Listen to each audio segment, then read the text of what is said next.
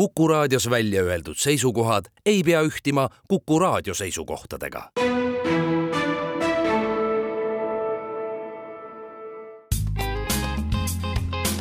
ettevõtlusminutid. saadet toetab Eesti Kaubandus-Tööstuskoda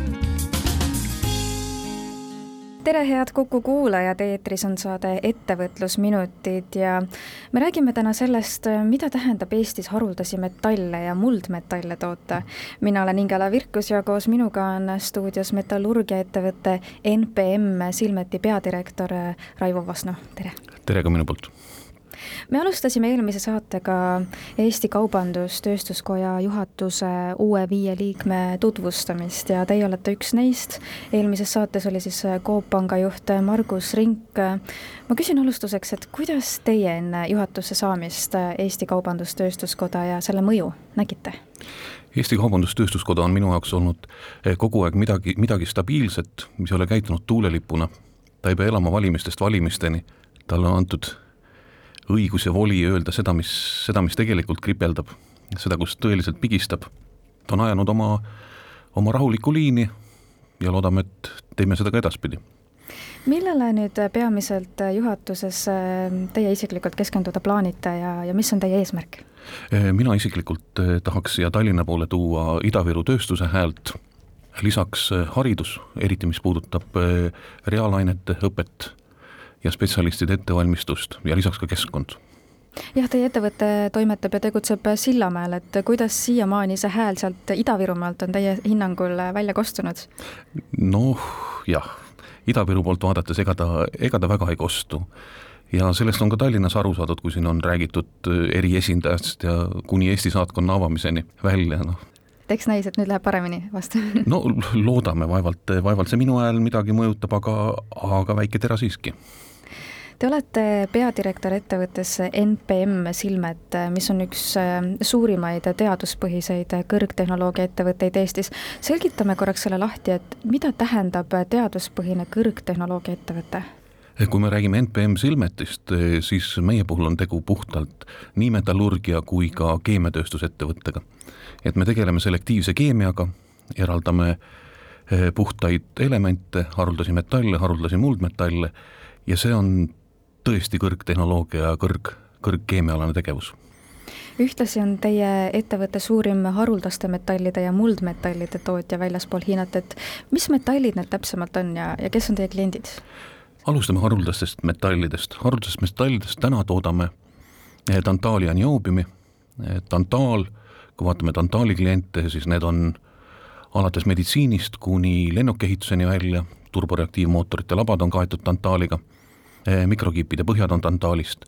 Niobium on eh, teada-tuntud eh, oma väga hea elektrijuhtivuse poolest, meie MRI seadmed, magnetresonantsseadmed meditsiinis, igas seadmes vähemasti sada viiskümmend kilo niobiumi. haruldaste muldmetallide poolest tegeleme haruldaste muldmetallide kergema grupi eraldamisega, see on prasiotüüm, neotüüm, mis lähevad supermagnetitesse, kuni lantaanini välja, mis läheb veepuhastusse, naftatööstusesse kes teie kliendid siis täpsemalt on? Eh, meie kliendid on põhiliselt, eh, alustame kõigepealt riikidest, need riigid, kus on kõrgtehnoloogiline tööstus olemas. Jaapan, Hiina, Ameerika Ühendriigid, natuke ka Saksamaa, seal, kus on olemas elektroonikatööstus, lennukitööstus, kõrgtehnoloogiline meditsiiniseadmete tootmine kuidas meil täna üldse on seis äh, metallitööstuses siin Eestis? No kogu metallitööstuse nimel küll sõna ei võtaks, võtaks nagu selle keemilise poole pealt sõna, ega kerged ajad ei ole. arvestades seda, mis toimub maailmaturul, kuna praktiliselt kogu oma toodangu me ekspordime ja kui vaadata neid turu kõikumisi üles-alla, erinevaid sanktsioone nii tooraine poole pealt kui valmistoodangu poole pealt, et see on selline üles-alla hüppav turg praegult. et ebakindlust on palju? ebakindlust on palju, pikki prognoose teha ega eriti mõtet ei ole, elada, elada tänases päevas ja vaadata, kuidas hakkama saab. aga millal on siis metallitööstuses olnud need head ajad, et millal, mis on need turgu nii-öelda soosivad tegurid, kui metallitööstuses läheb tõesti hästi? stabiilsus, stabiilsus siis, kui tarbija, tarbijakindlustunne on olemas, inimesed ostavad endale elektroonikat, riigid investeerivad suurematesse energiaprojektidesse, lennukeid ostetakse et, et need on, need on meie jaoks head ajad. kuidas teil äh, oma meeskonna äh, leidmisega on või, või töötajatega, et äh, kuidas üldse selles valdkonnas spetsialistide leidmisega on? ei ole lihtne, meil on alles veel õnneks see vana-vana raudvara, mis on, mis on meil uraani tootmisest paigas, kuigi nad hakkavad ükshaaval siin pensionile minema. aga otsime, otsime üle maailma. oleme headhunting'u korras leidnud endale neli-viis doktorikraadiga noort, noort hakkajat meest. Ja otsime. Ehk et teil on äh, peamiselt vaja doktoreid või doktorikandidaate, kellel on näiteks hüdrometallurgia või metallurgia kogemus? no seda kogemust me kõigepealt niimoodi oma otsimiskuulutusse või ülesandesse ei pane, et, et see on, sellise kogemusega inimesi on, on vähe, aga arusaam selektiivsest keemiast äh, võiks inimesel olla. Jah, et Eestis ju neid erialasid ei õpetata, et kust te siis leiate need spetsialistid?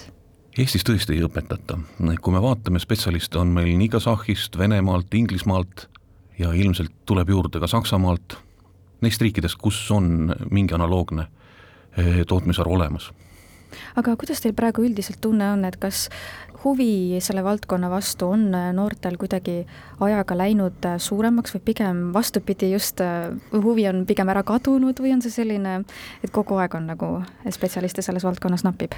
kogu aeg selle spetsial-, spetsialiste selles valdkonnas napib ja neid ostetakse üle, neid veetakse üle ookeanide ühest riigist teise, et äh, varem neid tuli ida poolt, aga nüüd seoses praeguse olukorraga enam enam Venemaalt sealt kaevanduslinnadest neid ei tule, Hiina poolt samuti ei tule, kuna siin on erinevad keelebarjäärid ja kultuurimured, nii et õpetame ise koha peal, kerge ei ole.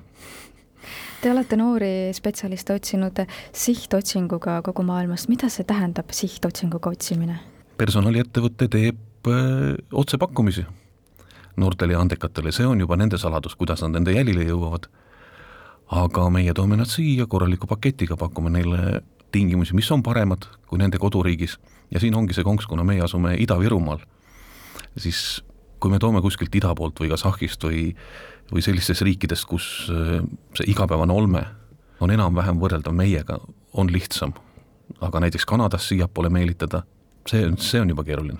ma just tahtsin küsida, et keerulisust lisab ju kindlasti see, et olete Ida-Virumaal, et et Tallinnas, kui asuksite, siis võib-olla oleks sinna nagu lihtsam äh, spetsialiste saada võib-olla küll, aga Tallinnas oleks jälle teised mured. et kui me selle tippspetsialisti siia toome, et küll siin Tallinnas leiduks keegi teine, kes teda kipuks üle meelitama. aga teie tehas asub äh, Sillamäel, miks just Sillamäel? Eh, Sillamäel, see on pikk-pikk ajalugu selle taga, neljakümne kuuendal aastal Lavrenti Beria kirjutas alla käskkirjale Sillamäele tehase ehitada, et hakata tootma uraani Eesti kohalikust toorainest ja esimesed seitse aastat tehas tootiski uraani Eesti kohalikust toorainest. hiljem mindi üle teise tooraine peale. aga põhjuseks oli tooraine lähedus, energia olemasolu Ida-Eestis. ja sellest ajast on see ettevõte sinna jäänud. kuidas te aga selle valdkonna tulevikku näete, et, et ähm, mis siin võib olla, ma ei räägi isegi võib-olla paarist aastast, aga viiest, kümnest aastast, et äh, mis siis äh, selles valdkonnas võib-olla muutunud on?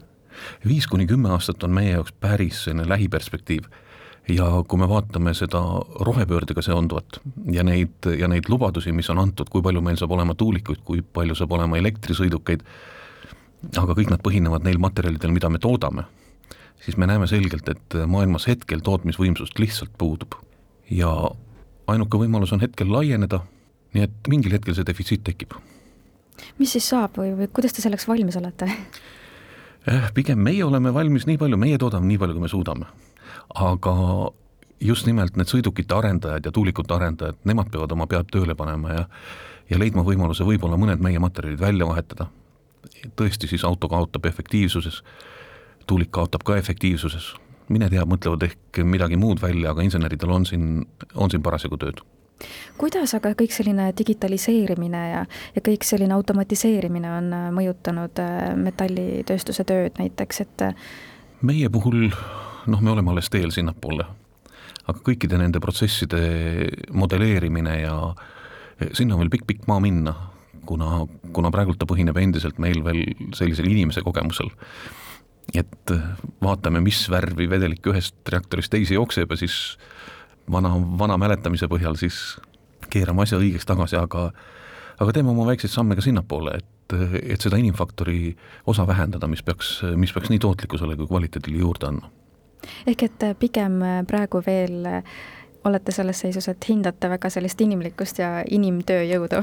hetkel jaa, inimtööjõudu, aga samas pikk-pikk maa on minna, et, et kõik need, omal ajal Silmet oli ju vana Nõukogude ettevõte, kus lihtsam oli inimest panna doseerima kui dosaatorit, siis need töökohad meil tuleb, tuleb ära automatiseerida, et see ei ole, see ei ole töö inimesele hetkel mis teil endal praegu selle valdkonna peale mõeldes näiteks või, või just eh, enda ettevõttest rääkides endal selline kõige mm, südamelähedasem teema praegu on? ühest asjast me juba rääkisime, nendest eh, kaadriotsingutest ja selle äh, selle teadmise ja selle kompetentsi hoidmisest, et kui vanem põlvkond nüüd tõesti pensionile läheb, et me suudaksime seda selektiivkeemia kompetentsi mitte ainult Ida-Virumaal, vaid Euroopas hoida, kuna ega Euroopas peale meie väga, väga teisi selliseid suuri tegijaid ei ole, et see kompetents jääks alles. õpetada välja uus põlvkond ja et tehas jätkaks, jätkaks oma tegevust. kas nende metallidega eks näeb, mida, mida tehnoloogia areng kaasa toob, aga, aga kui meil on olemas see kompetents, Eh, keemia ja metallurgia alal, siis eh, leivatopse laual alati. aitäh teile saatesse tulemast, NPM Silmeti peadirektor Raivo Vasnu ning eh, palju jõudu ja jaksu teile! aitäh!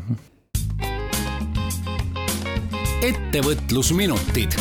saadet toetab Eesti Kaubandus-Tööstuskoda